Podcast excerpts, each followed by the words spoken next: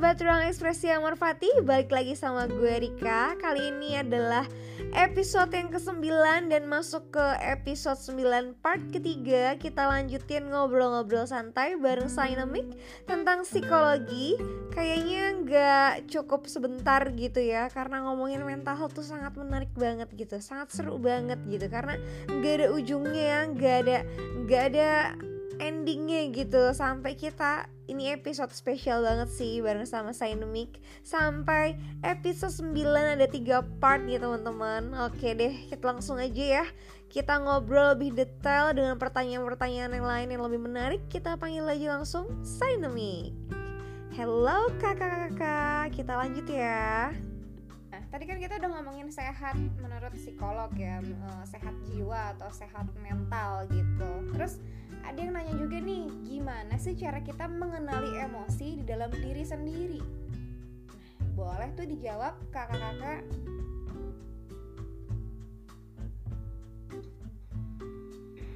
Ya, mengenal emosi ya. uh, ini agak susah dijawab sebenarnya ya. Yang pertama kita harus tahu dulu ya, identifikasi dulu atau definisikan dulu emosi itu apa gitu kan ya. Nah, secara keilmuan sih mungkin kalau kita bicara fungsi psikologis gitu ya, ada namanya fungsi kognitif, fungsi emosional, uh, fungsi apa lagi ya, relasi ya, relasi gitu kan nanti ujungnya adalah uh, gimana kita bisa membangun diri gitu intinya gitu. Nah, ini adalah satu fungsi psikologis yang kalau secara keilmuan kita membahasakannya adalah bentuk-bentuk uh, reaksi dari uh, apa ya bentuk-bentuk reaksi, reaksi yang akan kita munculkan ketika kita menghadapi suatu stimulus. Jadi emosi itu adalah respon, gitu. Nah, respon ini uh, itu tadi yang Hendra sampaikan ya, itu bisa normal gitu ya pada orang-orang tertentu dengan kadar-kadar tertentu. Jadi yang pertama maksud aku di sini emosi itu selain ada dimensi perbedaan uh, emosi A, B, C, D, ada juga perbedaan intensitinya gitu. Jadi kalau gue sedih gara-gara ditinggal pacar oh itu masih wajar. Justru kalau nggak sedih malah nggak wajar artinya lu nggak cintai dia gitu kan ya. Jadi kayak gitu kan artinya gitu. Kalau anda marah karena keserempet mobil orang lain begitu juga nggak ya? Oh iya begitu juga. Artinya itu masih dalam taraf wajar. Tapi kalau marahnya langsung lempar batu misalnya gitu membahayakan orang lain nah itu yang tadi disebutkan adalah normal.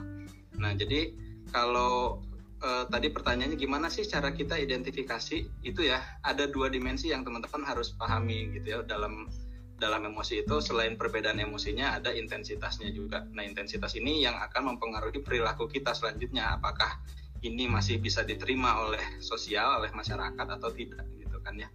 Nah uh, terus ada emosi itu ada apa aja gitu kan ya. Nah ini yang paling sering gitu ya kan yang paling sederhana itu biasanya sedih, kecewa, e, marah, lalu bahagia gitu ya itu empat.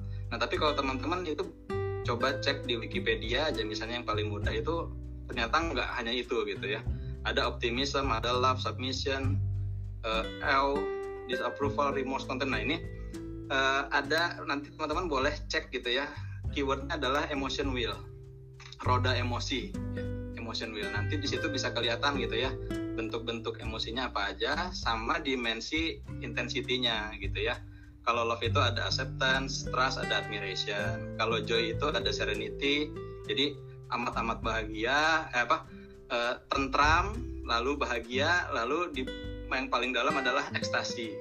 Bukan obat ya bukan ekstasi obat ya tapi perasaan ekstasi gitu. Jadi sangat-sangat happy gitu ya sampai kita jingkrak-jingkrak. Nah itu itu termasuk emosi gitu. Jadi banyak banget kalau mau disebutin satu-satu. Saran gue coba googling aja masing-masing gitu ya. Dari keywordnya adalah wheel of emotion. Wow bener ya. Kayaknya nggak mungkin cukup satu jam dua jam tiga jam gitu. Secara kakak-kakaknya belajar sampai 8 tahun gitu. Jadi nggak mungkin di, di, dijelaskan dalam waktu yang sangat singkat karena besar sekali luas sekali gitu kan ya mungkin itu kali ya ada yang mau ditambahin atau kita lanjut ke pertanyaan berikutnya saya mungkin nambah dikit boleh, terkait boleh.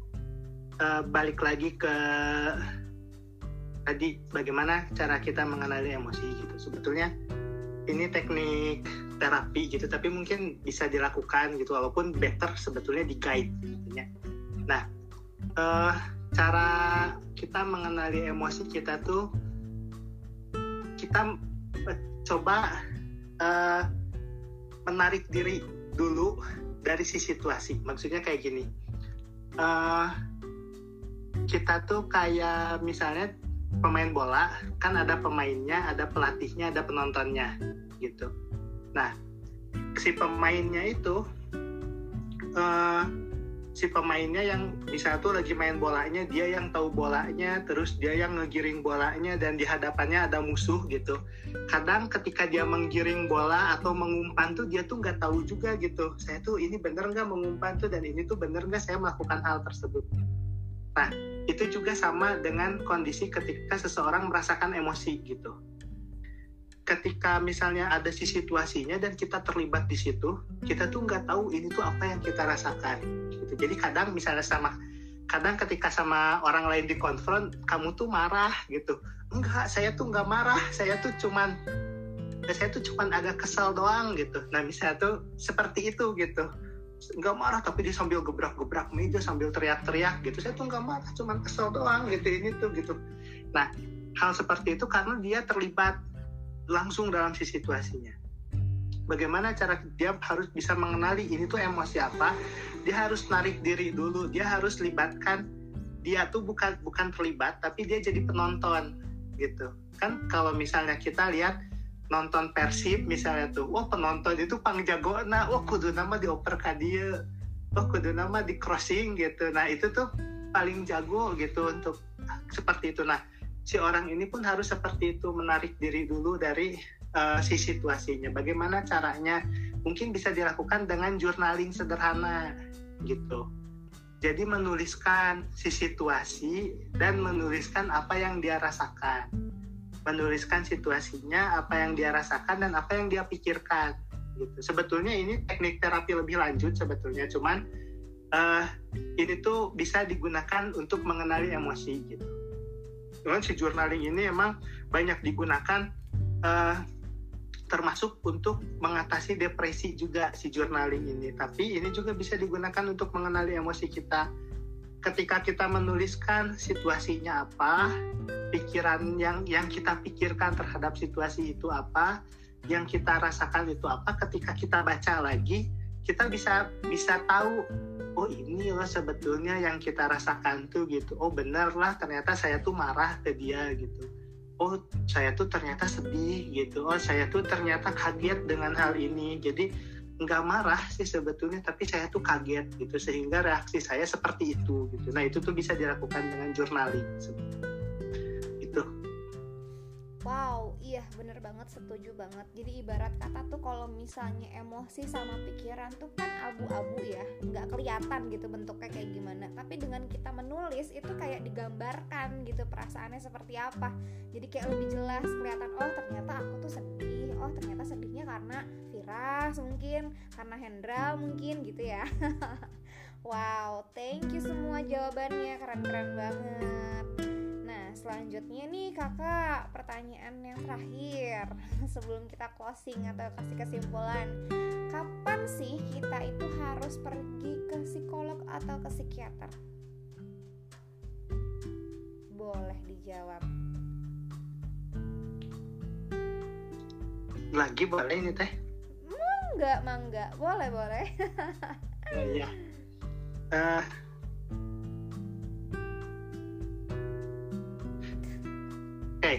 eh, kapan uh, ke pergi ke psikolog sebetulnya mah bisa kapan pun sebetulnya. Jadi ketika misalnya merasakan marah, merasakan sedih atau misalnya apa pun itu sebetulnya bisa kapan pun konsul mengenai si problem yang terjadi itu bisa kapan pun. Yang penting uh, sebetulnya yang harus disadari ketika akan datang ke psikolog itu uh, hal yang penting adalah kita uh, selain berbicara tapi kita juga punya apa ada tujuan yang ingin kita bawa gitu ketika ke psikolog itu sebetulnya yang penting gitu karena apa yang dilakukan psikolog terhadap si sesi dengan kliennya itu tergantung pada klien itu tujuannya ingin apa gitu. Ketika misalnya saya datang ke sini dalam keadaan marah gitu dan saya ingin meredakan marah saya. Nah, itu yang bakal dilakukan itu yaitu meredakan si marahnya atau saya datang ke sini karena saya ingin tahu ada apa dengan saya. Itu juga yang mungkin bakal dilakukan mengidentifikasi mungkin perasaannya atau mungkin kenapa hal tersebut terjadi dengan melihat lingkungan seperti apa, terus uh, kepribadian dia seperti apa gitu identifikasi itu atau saya ingin uh, saya bingung harus melakukan apa gitu. Psikolog memang tidak bisa menentukan oh kamu harus melakukan A kamu harus melakukan B karena kan itu kembali keputusan di tangan masing-masing. Tapi mungkin dengan berbicara dengan psikolog itu bisa lebih tergambar. Kamu tuh punya ini si kondisinya seperti ini terus kamu punya keterampilan ini jadi mungkin coba pertimbangkan lagi cocok mana ngambil A atau ngambil B gitu. Jadi sebetulnya itu intinya sih bisa kapan aja tapi yang penting mah itu bawa kira-kira apa sih yang mau disasar. Saya saya saya tuh menginginkan apa untuk datang ke psikolog ini gitu. Itu yang harus dibawa sebetulnya kalau kapan sajanya mah kapan saja boleh gitu. Termasuk uh, mau ngobrol mau nongkrong juga boleh itu nanti disesuaikan gitu. Terima kasih. Iya benar setuju banget sih. Jadi ada ibarat kata Jangan nunggu sampai kita parah gitu. Jadi kapan pun Kayak even cuman Aduh sedih banget Duit seribu hilang gitu ya. Ceritain gitu ya Sama kakak-kakak psikolog gitu. Atau nggak pergi aja emang membutuhkan pertolongan Ya segera lah gitu ya. Jangan sampai nunggu uh, handphone rusak dulu lah dibanting gitu kan. Dan sebagainya. Mungkin ada tambahan nih dari kakak-kakak yang lain? Ya boleh nambahin dikit ya. Uh, setuju banget tadi yang dari Hendra sampaikan. Mungkin gue mau summarizing ya uh, sekaligus mengklarifikasi bukan mengklarifikasi ya memperjelas gitu ya bahwa uh, psikolog itu tidak selalu berperan sebagai penyembuh. gitu tetapi sebagai optim optimilator atau apa ya bantu untuk lebih optimal gitu ya. Jadi uh, banyak uh, teman-teman psikolog yang pada bidangnya masing-masing gitu ya itu justru memang nggak hanya berperan ketika ada uh, abnormalitas ketika ada ada gangguan nggak hanya seperti itu gitu. Tetapi kalau kita bicara abnormal gangguan patologi itu kan misalnya katakanlah kalau dalam rentang itu minus gitu ya minus satu minus dua terus kita sembuhkan menjadi nol gitu. Nah setelah menjadi nol kan sebenarnya nggak selesai gitu. Harus dioptimalkan lagi gitu kan ya.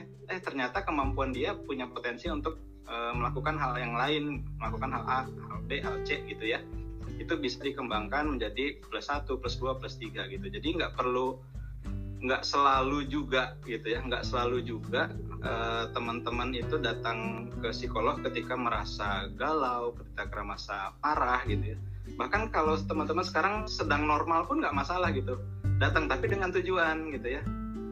Kak uh, saya sekarang udah uh, kuliah di tahap akhir alhamdulillah sudah empat tahun berjalan skripsi saya lancar.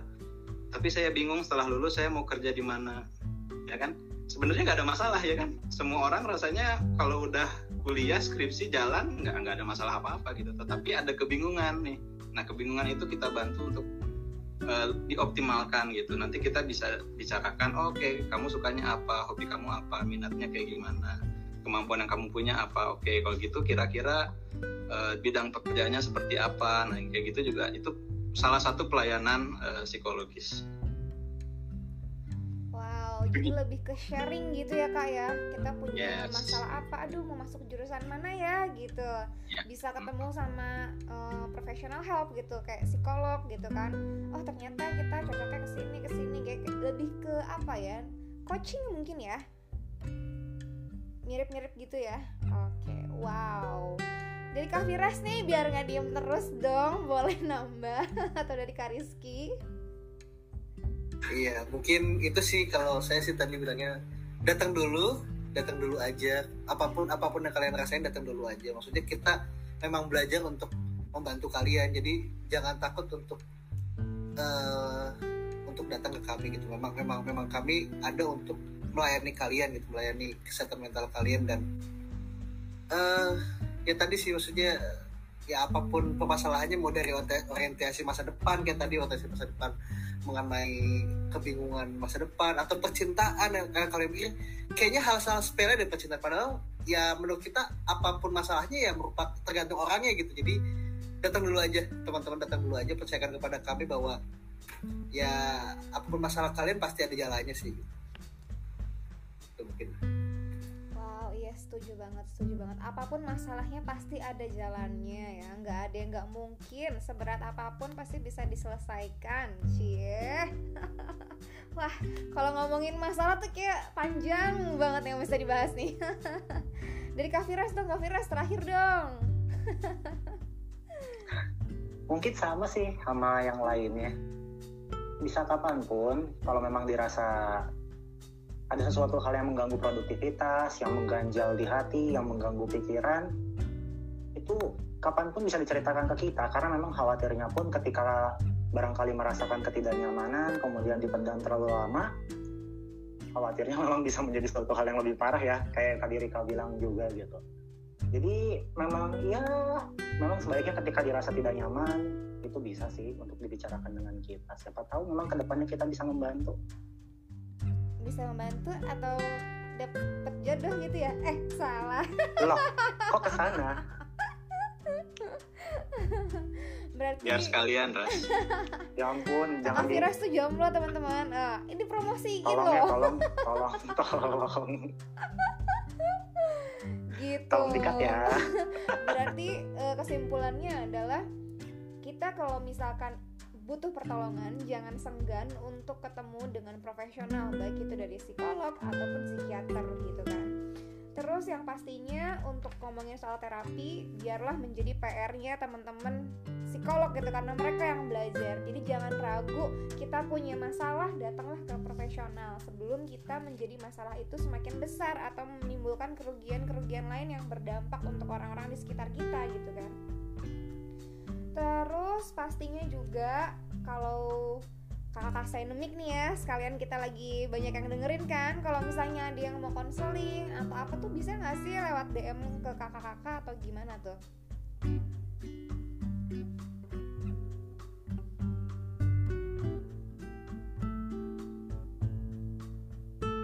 Ya uh, kita punya ada ada beberapa sosial media ya yang yang yang mungkin uh, aktif gitu. Bisa di uh, di searching aja uh, Dynamic ID ya betul ya teman-teman ya? Dynamic ID dan kita punya YouTube juga Dynamic ID juga gitu. Jadi mungkin untuk sekarang dari situ dulu untuk untuk uh, informasi lebih lanjutnya atau bisa mengontak kami dari situ dulu mungkin selanjutnya kita akan membuka beberapa uh, jalur lagi mungkin ya gitu.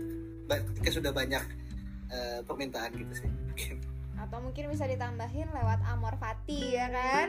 Teman-teman bisa iya, join ke support juga, ke support grupnya Amor Fati nanti ketemu sama kakak-kakak dari Sinemik gitu. Intinya yang penting kita jangan malu dan kita harus tetap lawan stigma ya. Kita semua berusaha untuk selalu tetap semangat memberikan edukasi juga informasi uh, kepada masyarakat mengenai pentingnya kesehatan mental gitu. Pastinya menarik banget ya kalau kita ngomongin tentang apa namanya tentang kesehatan jiwa atau ilmu mental health gitu ya karena banyak banget dan luas banget yang pastinya nggak mungkin kita ngobrol cuma dalam waktu satu jam ini semua selesai gitu ya. Mungkin sebelum closing nih aku ada challenge. Challenge dadakan tidak biasanya tuh sebelum tutup tuh kita selalu butterfly hug gitu. Kayak uh, meditasi bareng-bareng supaya ya pasti ya kita dengan cerita. Aku pun sebagai MC hari ini kayaknya lelah banget gitu kan. Coba dong dari kakak-kakak ada nggak yang mau ngegaitin untuk kita bareng-bareng butterfly hug? Ya silakan yang paling berpengalaman Aku puterin lagunya ya pakai musik meditasi.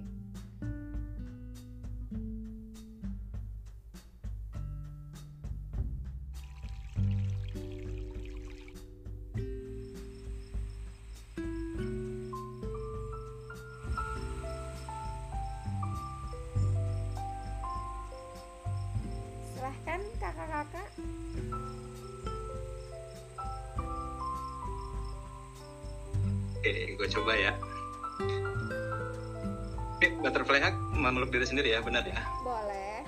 Oke, ya sekarang eh, teman-teman buat semua yang dengar saat ini, termasuk juga semua narasumber kita nih, eh, harus juga harus bisa ya.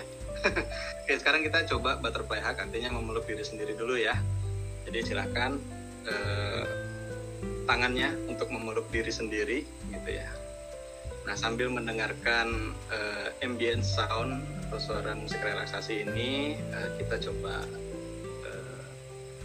renungi eh, hal-hal yang sudah terjadi pada diri kita. Mungkin eh, bisa dimulai dari mengingat berapa usia kita saat ini.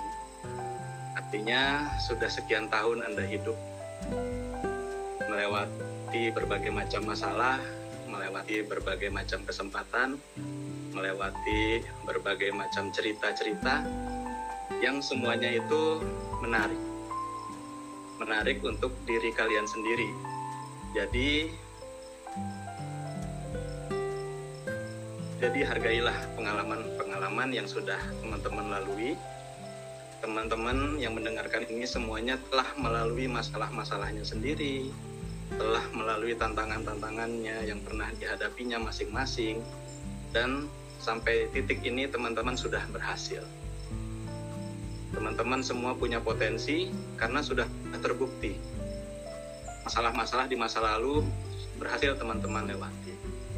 Lalu bagaimana dengan masalah-masalah di kemudian hari? Biarkan itu menjadi masalah diri teman-teman esok hari.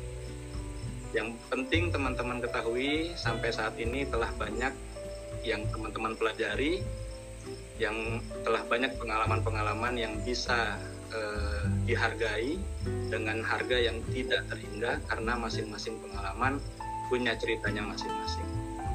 Jadi percayalah masalah di kemudian hari pasti akan dapat dilalui.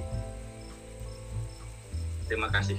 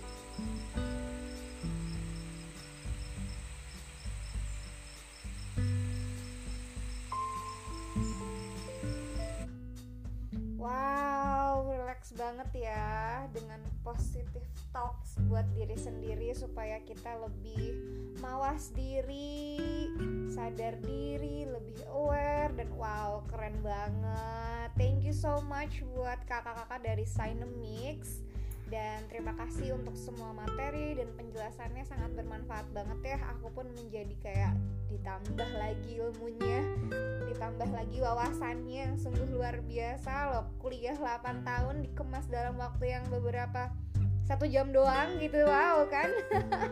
Segini aja tuh ilmunya udah banyak banget. Jadi semoga teman-teman yang mendengarkan mendapatkan insight yang sangat dalam dan juga bisa belajar dari perjalanan dan juga menambah wawasan dari kakak-kakak Dynamics Oke, kalau gitu uh, gue Rika dari Ruang Ekspresi Amarpati undur diri dan terima kasih. Bye bye.